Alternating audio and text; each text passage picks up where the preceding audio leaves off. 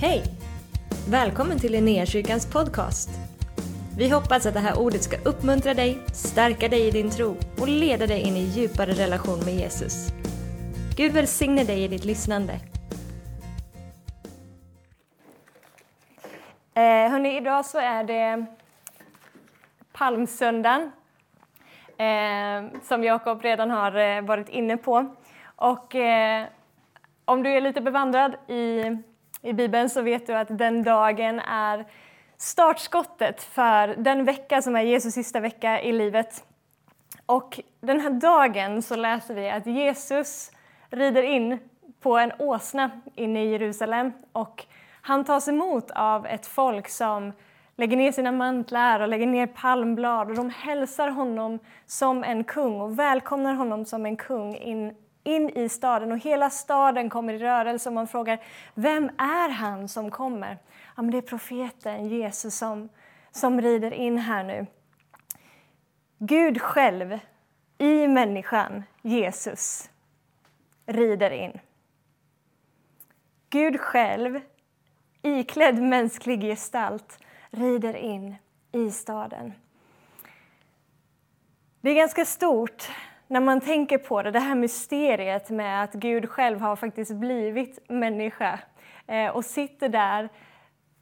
På något sätt, liksom, han som förtjänar härlighet och ära kommer så ödmjuk att han rider på en åsna, men han låter sig hälsas av det här folket som en kung när han rider in. Vi ser hur Jesus, eh, när han har levt sitt liv på jorden, så har han fullt ut identifierat sig med mänskligheten. Han har eh, liksom avsagt sig det som var hans härlighet och ära i, i det eviga livet i himmelen tillsammans med Fadern för en tid, för att kliva in i tid och rum och fullt ut ta på sig det som var mänsklighetens liksom begränsningar som har med tid och rum att göra, för att fullt ut möta samma utmaningar som eh, människor får möta, för att bo liksom i en jordisk eh, kropp, att vara begränsad till en fysisk plats. Eh, så på, på, alla sätt och vis liksom ställt sig i dina och mina skor. Det här har han gjort under hela sitt liv här på jorden. Men nu, den här palmsöndagen, sista, startskottet på hans sista vecka i livet, så läser vi om ytterligare ett antal berättelser, ett antal händelser där vi ser hur han än en gång och på ytterligare sätt fullt ut identifierar sig med eh, mänskligheten, med människor som du och jag. Ehm, vi ska göra några sådana nedslag i de här berättelserna och det är lite svårt att inte liksom eh, nalla lite på det som är eh, påskbudskapet, det, det som liksom blir klimax under den här veckan. Den här veckan rör ju sig mot det som har med eh, korsfästelsen och sen uppståndelsen att göra. Så vi, vi, vi rör oss lite mot de eh, händelserna.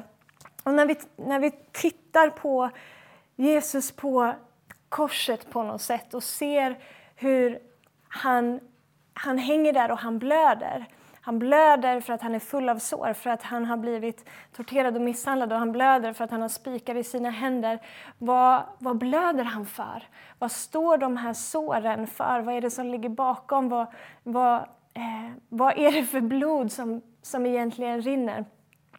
Eh, under den här sista veckan som han går igenom så, så utstår han fysisk misshandel, han utstår psykisk misshandel, han utstår att bli bedragen eh, av sina närmaste, han, han utstår att bli sviken av sina närmaste, han utstår att bli hånad, han utstår att bli spottad på, han utstår en hel massa olika grejer. Så låt oss dyka in i några av de här eh, eh, händelserna som vi kan läsa om.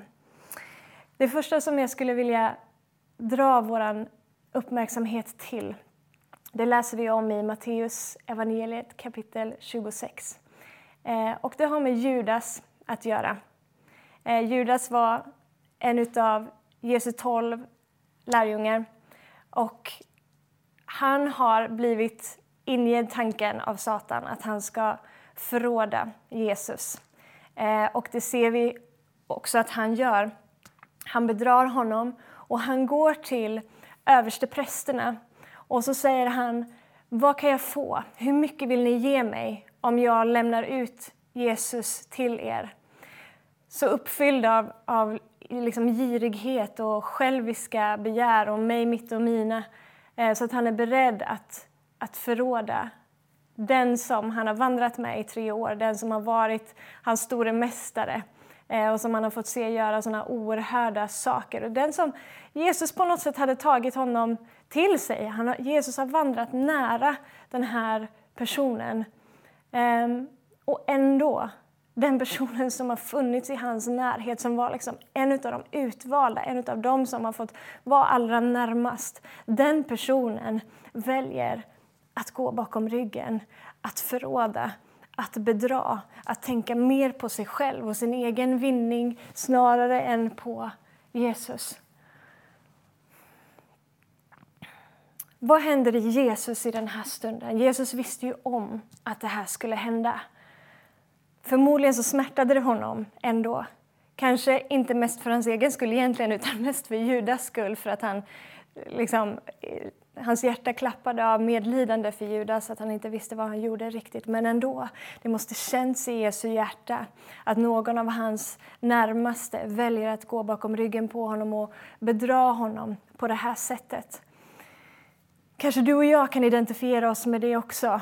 Eh, att vara i Jesu skor i den här stunden. Kanske du har haft någon som har varit en av dina nära i din omgivning. Någon som du har litat på, någon som du har vandrat med över en tid, någon som har varit din vän, som har valt att gå bakom ryggen på dig, någon som har förrått dig eller bedragit dig på något sätt, som har svikit dig på det här sättet.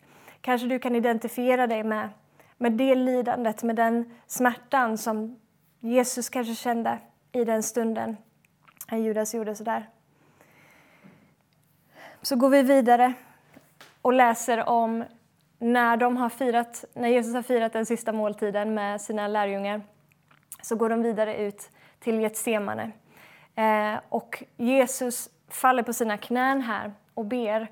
Och han är i sin dittills svåraste stund i livet. Aldrig har han varit så pressad och så, och så prövad och så tyngd. Och han säger att min, min själ är i djup ångest ända till döds. Han har sån vånda. Eh, börjar känna tyngden liksom av det som han ska snart bära. Och han har, han har det riktigt, riktigt, riktigt jobbigt. Och han säger till sina lärjungar, kan ni vara snälla att be med mig en stund här? Kan ni vaka tillsammans med mig? Jag ska gå dit bort och be, men snälla vaka tillsammans med mig. Snälla stötta mig nu. Jag har det svårt här. Um, och när han kommer tillbaka så ligger de och sover. De har inte alls suttit där eller stått där och bett för honom, med honom, utan de har bara checkat ut, de är trötta, kanske oroliga för vad som håller på att hända och lite förvirrade och, och allt sånt där. Men vad händer hos Jesus? Detta är hans liksom, vänner, de som han har lagt så otroligt mycket tid tillsammans med och stått tillsammans med i vått och torrt de sista tre åren och som han har tränat liksom, och älskat. Och så ber han dem om någonting och de failar honom. Vad händer i hans hjärta? Förmodligen gjorde det ganska ont, kanske, återigen kanske inte mest för hans egen skull men för att han också lider för, för deras skull. Sen vet vi att han tillfångatas där i ett semane. Och han eh, eh går in i en serie händelser här sen och han, vi ser att han hamnar på översteprästens gård. Eh, och där så befinner sig också Petrus. Och han blir, Petrus blir igenkänd av eh, två olika tjänsteflickor och en annan person. Och de säger, var inte du med Jesus? Känner inte du också honom? Är inte du en av hans lärjungar? Jo, du är, du är minsann det. Vi känner igen det på din dialekt. Dialekten avslöjar dig. Och tre gånger så förnekar Petrus att han känner Jesus. Petrus som hade varit liksom en, i den här gruppen av tolv så var han en av de tre som fick vara allra närmast eh, Jesus. Och han, av alla, som har haft en sån hög bekännelse och säger Jesus, jag kommer aldrig förneka dig, jag kommer aldrig att överge dig om det ens skulle innebära min egen död. Så väljer han, när pressen väl lades på, så är det han som står och förnekar att han känner Jesus. Vad händer i Jesu hjärta då? Kanske du kan identifiera dig med det också, som Jesus går igenom eller känner i den här stunden. Eh, antingen det som hände där i Getsemane, när han blir sviken av de som är sina närmaste, de som han trodde skulle vara de som fanns där och ställde upp för honom.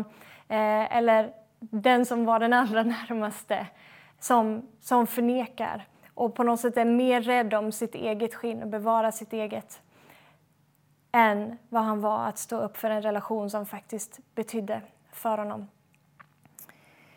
Sen går vi vidare och läser om hur översteprästerna bemöter Jesus. De anklagar honom, försöker hitta falska vittnesmål för att, för att sätta dit honom. De hånar honom Eh, och på olika sätt bara utövar förtryck över honom. De står ju för ett helt religiöst system liksom, och de är ju livrädda här att de ska förlora sin makt och position och de gör allt de kan för att försöka kontrollera och upprätthålla sin makt någonstans och, och, och gör det genom att ta spjärn mot någonting annat. Kanske du också, precis som Jesus, har varit utsatt för det, har blivit utsatt för den typen av förtryck där makt missbrukas. Människor försöker på olika sätt liksom binda, hålla fast, eh, kontrollera. Jesus känner med dig i så fall.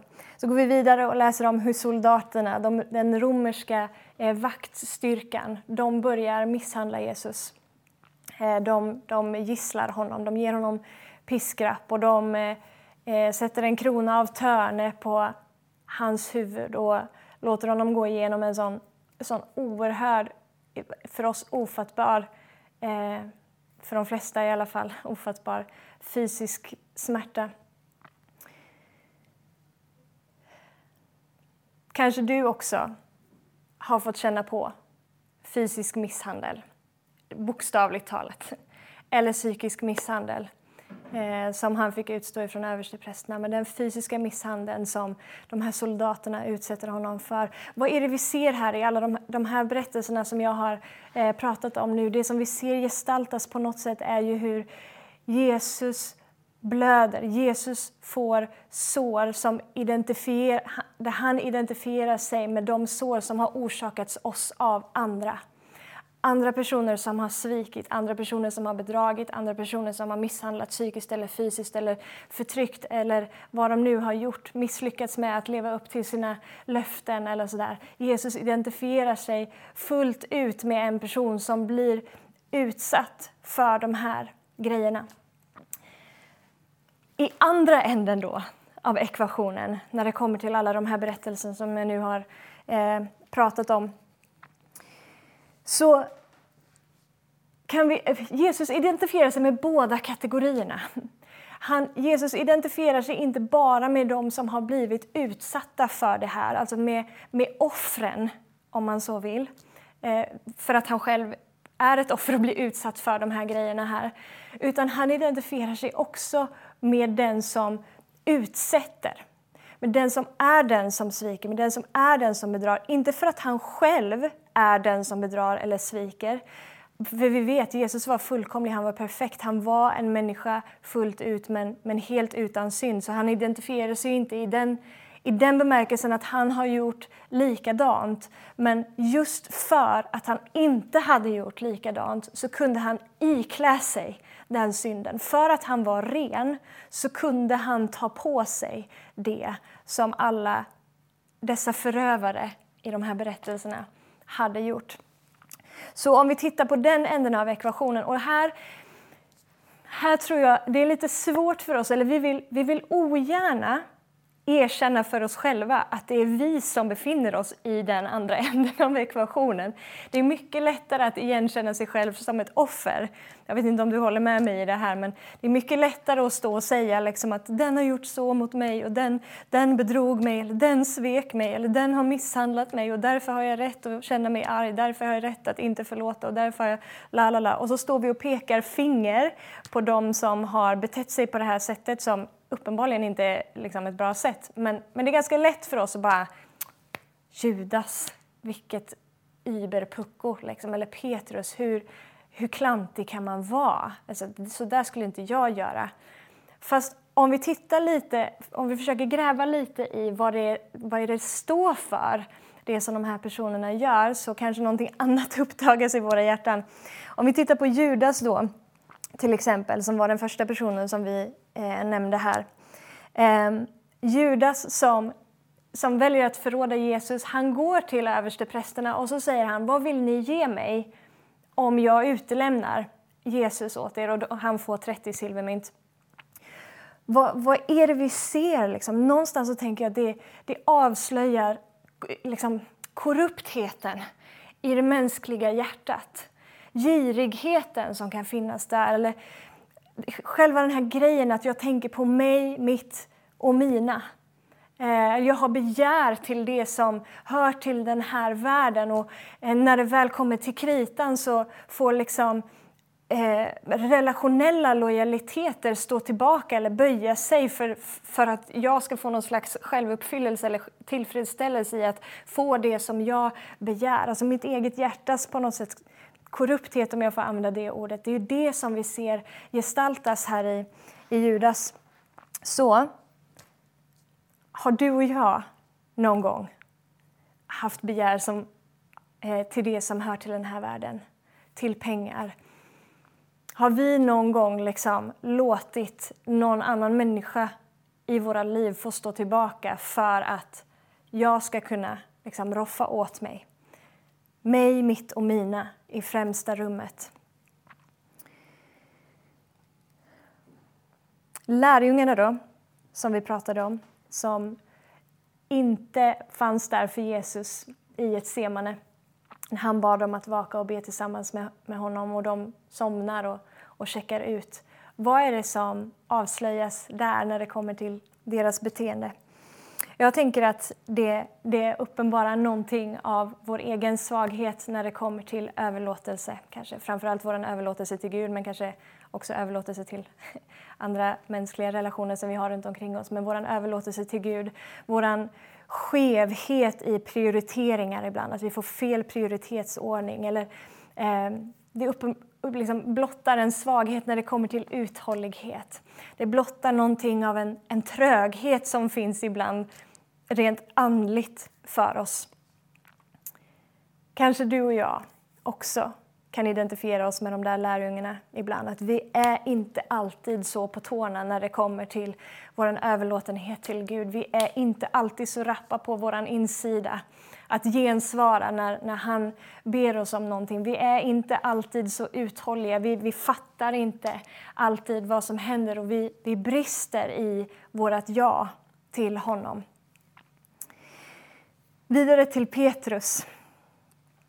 Vad är det som uppenbaras i honom när han förnekar Jesus? Han som har haft en sån hög bekännelse Kanske du och jag också har en väldigt hög bekännelse och vi säger det här, det här tror jag på. Jesus, jag skulle göra precis vad som helst för honom. Vad han än kallar mig till så kommer jag att följa honom. Om han kallar mig till att sälja allt jag äger så kommer jag att göra det. Och, eh, vem som än pressar mig, om det så innebär att jag ska dö, så kommer jag aldrig att förneka honom. Well, när trycket sattes på Petrus och han insåg att hans eget liv kanske var i fara om det var så att han hade sagt att ja, men jag känner faktiskt Jesus, jag, jag håller med honom. Jag tror på honom, jag tror att han är Messias. När trycket sattes på honom, det som blottades i den stunden i hans hjärta var hans människofruktan och hans självbevarelsedrift. Hans hans driv att beskydda sig själv och vaka över sitt eget liv blev i den stunden starkare än hans driv att följa Jesus in i döden. Hans egen bekännelse svek honom där och då och det som faktiskt fanns på riktigt i hans hjärta blev tydligt för honom själv och han visste förmodligen inte eh, om själv ens att det fanns i hans hjärta, att människofruktan hade en botten i honom. Men kanske du och jag kan också igenkänna oss i den grejen, att det finns människofruktan i våra liv och att när vi blir lite pressade eller trycket kommer på eller vi blir ifrågasatta eller sådär, vad är det som till syvende och sist avgör vad vi fattar för beslut? Vad är det som till syvende och sist avgör vad vi svarar på en annan människas fråga? Är det, är det Guds ord och det som vi har sagt att vi har bekänt oss till? Och som vi har sagt att det här bygger jag mitt liv på, det här är auktoritet i mitt liv. Är det faktiskt det som kommer vara auktoritet i ditt liv i den stunden när du blir lite pressad eller förvirrad eller så? vidare till översteprästerna då, som står och, och anklagar honom och försöker hitta falska vittnesmål. Eh, vad är det som blottas i deras hjärta, i allt det som de har hållit på Vi har ju sett dem, de har ju funnits med i matchen länge här. Vi läser ju många berättelser om, om hur Jesus eh, på olika sätt möter dem. Men vad är det som blottas i, i deras hjärta, i deras beteende här? Jag tänker att det är en av de stora grejerna i deras högmod och deras självrättfärdighet. De har totalt missat poängen, liksom totalt missat att de behöver en frälsare och, och är så blind, förblindade av lagen och principer att de missar att se när Gud själv står framför dem. Men de, de tror att de med sina egna gärningar och hur de beter sig och handlar, det är det som ger dem rättfärdighet. Det är min egen duktighet liksom, som ger mig en, en rättställning inför Gud. Och det är viktigare för dem att hålla fast vid de här principerna än vad det är att söka en relation. Kanske vi kan igenkänna det också. Kanske vi kan igenkänna oss i deras behov av att ha kontroll. Liksom. Om, det här, om systemet rubbas på, om gudstjänstordningen rubbas på, nej, då, vet jag, då, liksom, då blir det katastrof. Det går inte. Det är på mina villkor, så här ska det vara. Vad händer i ditt och mitt hjärta? Kanske finns det en igenkänningsfaktor i det hos oss också. Eller själva grejen där, där de överste prästerna, det som Jesus gång på gång trycker på hos dem är ju att de putsar på utsidan av sin bägare, men inuti är det ruttet. De, ni är vitkalkade gravar, säger han. Ni hycklar er som vitkalkade gravar, men på insidan är ni full av, av torra ben. Hur vi ibland blir så upptagna av att försöka liksom, beskydda det som är det fula på vår insida, eller synden som vi bär. Det som vi inte är stolta över och vi försöker täcka det med en fasad för att allt ska se så perfekt och bra ut inför andra människor. Snarare än att igenkänna behovet av en frälsare och så fortsätter vi liksom att kämpa i egen kraft och berömma oss av oss själva och, och hamnar i det här självrättfärdighetsdiket och högmodsdiket. Okej, okay, vidare till eh, soldaterna då som misshandlar, eh, misshandlar honom. Vad är det vi ser uppenbaras hos dem? Eh, en sak kanske är att de faller för ett grupptryck eller de själva är del av ett system som, som gör att de är blinda för sanningen. De missar också att igenkänna sanningen. De fattar inte vem det är som de har framför sig. Eh, och de faller för ett grupptryck, alltså förmodligen så är det ingen av dem som någonsin hade vågat inte lyda order att prygla honom i den här stunden. Också i rädsla för vad som skulle hända med, med deras eget liv. Brist på empati, aggressioner kanske, vad vet jag, som kanaliseras åt helt fel håll. Kanske du kan igenkänna dig i det. Kanske du är en som faktiskt fysiskt har misshandlat någon annan för att det fanns så mycket uppdämt i dig som du inte visste vart du skulle göra av eller hantera och så kanaliseras det i någonting som blir super, super tokigt. Eller du har hamnat i att göra någonting för att du också har fallit för ett grupptryck, kanske gängkriminalitet och våld eller vad det än, än kan vara. Men du, du är fast i ett system liksom, som du inte riktigt kan, kan ta dig ur och till slut så blir man så avtrubbad på sin insida att man inte ens förstår att det är fel kanske. man förstår inte, men liksom, den empatiska förmågan bara har blivit helt bortblåst för att man är så invand i att bete sig på det här sättet.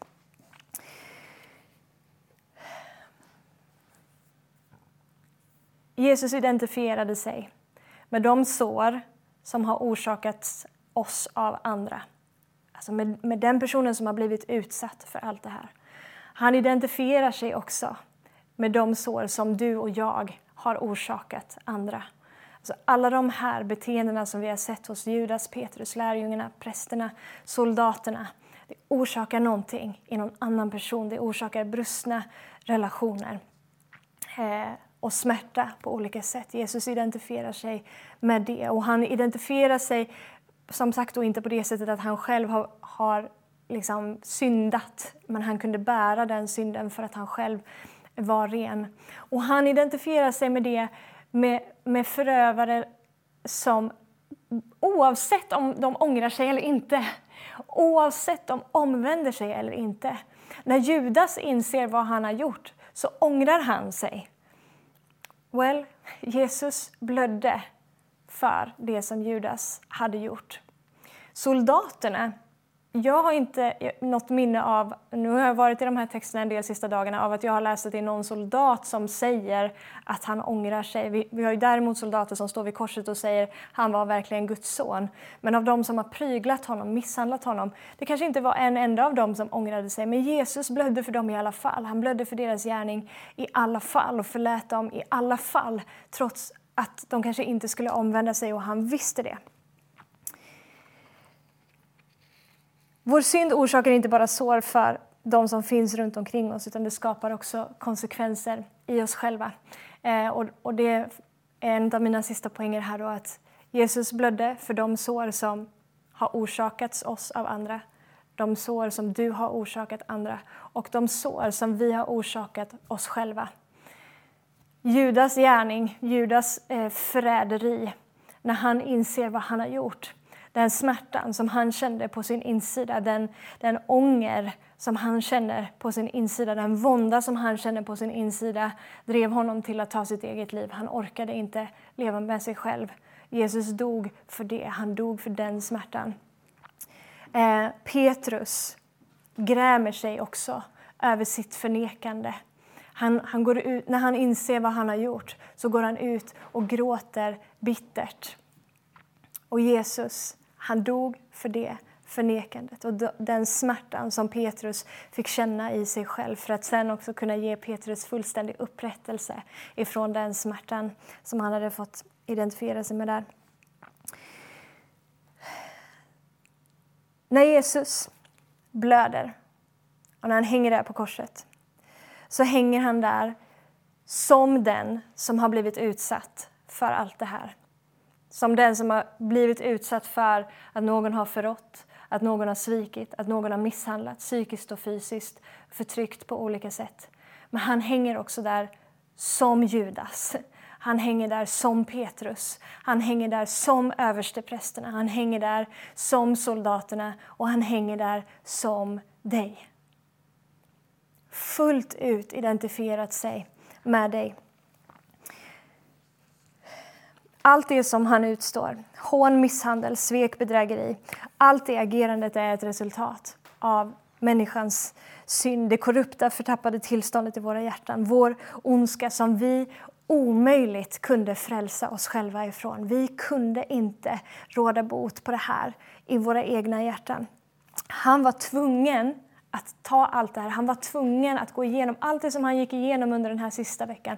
Han var tvungen att gå igenom det och ta allt det för att kunna bryta makten av det fullständigt. Vi ska läsa eh, några verser från Hebreerbrevet kapitel 2. Eh, och vi börjar läsa vers 9 och 10.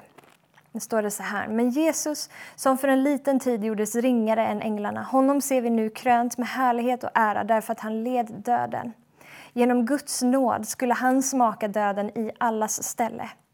Ty när Gud, för vilken för, för vilken och genom vilken allting är till skulle föra många söner till härlighet måste han fullkomna honom genom lidanden, han som för dem till frälsning. Och så hoppar jag ner till vers 14.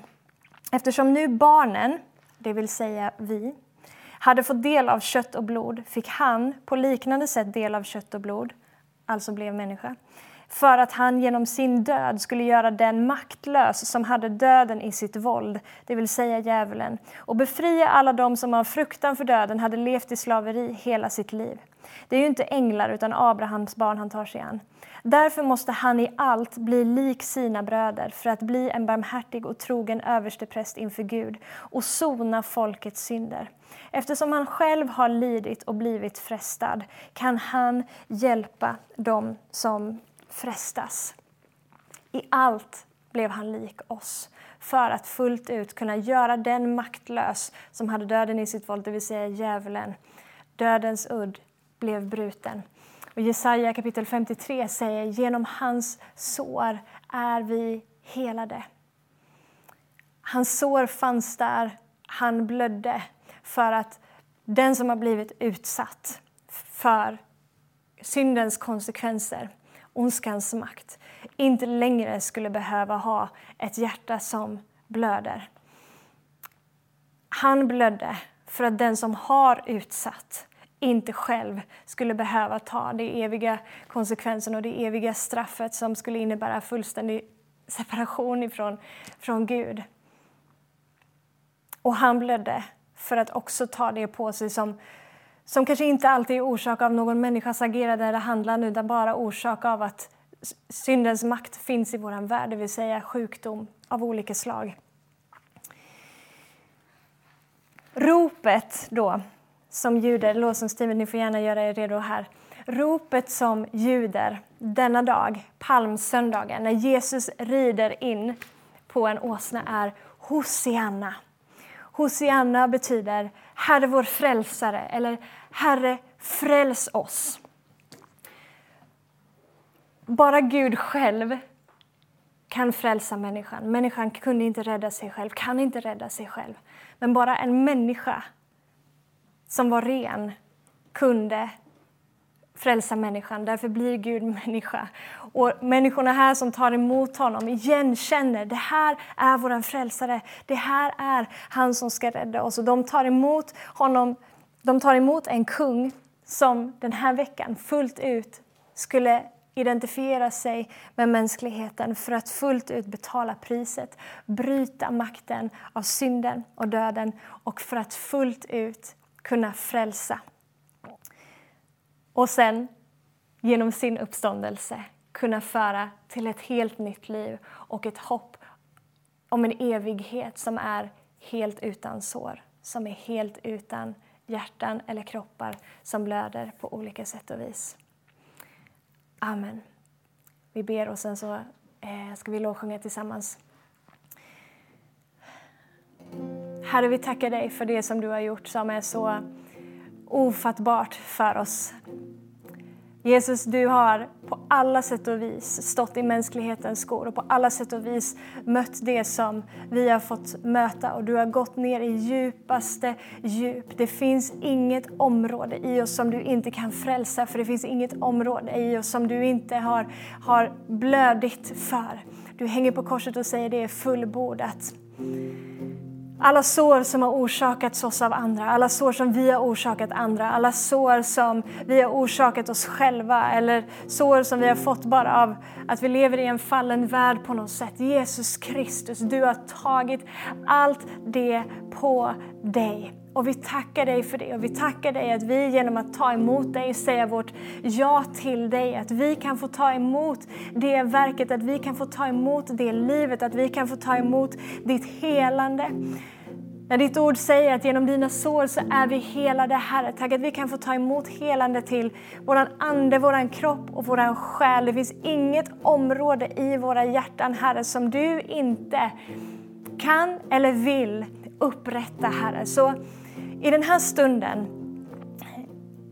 om du, om du aldrig någonsin har sagt ett ja till Jesus, om du aldrig någonsin har sett eller förstått att du eh, att du kanske är förövaren eller att du har blivit utsatt för förövaren eller förstått liksom det, det brustna tillståndet i ditt eget hjärta så kan du just nu få säga ditt ja till Jesus. Just nu så kan du säga Gud, det där som du gjorde på korset för att bryta den makten i mitt liv det vill jag ta emot. Och jag tror att du har uppstått ifrån de döda för att ge mig det nya livet, för att ge mig ett nytt hjärta, för att ge mig ett hjärta som är helt och som är likt dig och som kan vandra i likhet med dig. Där jag inte längre är slav under den här typen av beteenden och där jag inte behöver vandra i bitterhet för att jag blivit utsatt för andra människors beteenden.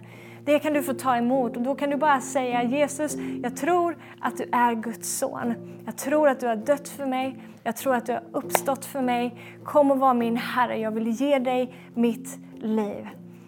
Om du säger det, om du säger det med dina egna ord eller med de orden som jag eh, sa just nu, då, då föder han dig på nytt. Han ger dig ett, ett nytt hjärta Eh, och du är hans barn och du kan höra hans röst. Eh, jag, uppmuntrar dig att skaffa en bibel om du inte har någon. Börja läsa bibeln, sök upp en församling eh, som, som står för det här, som predikar Guds ord. Det här är en verklighet. Vi hör berättelserna om korset så många gånger Eh, och framförallt om man är uppvuxen i kyrkan men vi kanske inte alltid riktigt greppat vad det faktiskt betyder och verkligheten som det kan få innebära i ditt och mitt liv. Det är inte en saga. Det här är en påtaglig verklighet som kan få göra sitt inträde i ditt och mitt liv när vi sätter våran tro till det som faktiskt skedde. Och det börjar någonstans med att vi som det här folket som välkomnar Jesus in, att vi säger Hosianna, Herre min frälsare. Vi igenkänner vårt eget behov av den där frälsaren. Vi igenkänner att jag kan inte rädda mig själv. Jag kan inte göra mitt eget liv och hjärta rent. Jag kan inte lyfta mig själv ifrån det här tillståndet. Jag behöver hjälp. Gud, hjälp mig. Där i ligger nyckeln till din och min frihet och till det nya livet. Amen. Nu lämnar jag över till det här gänget som ska leda oss vidare i tillbedjan.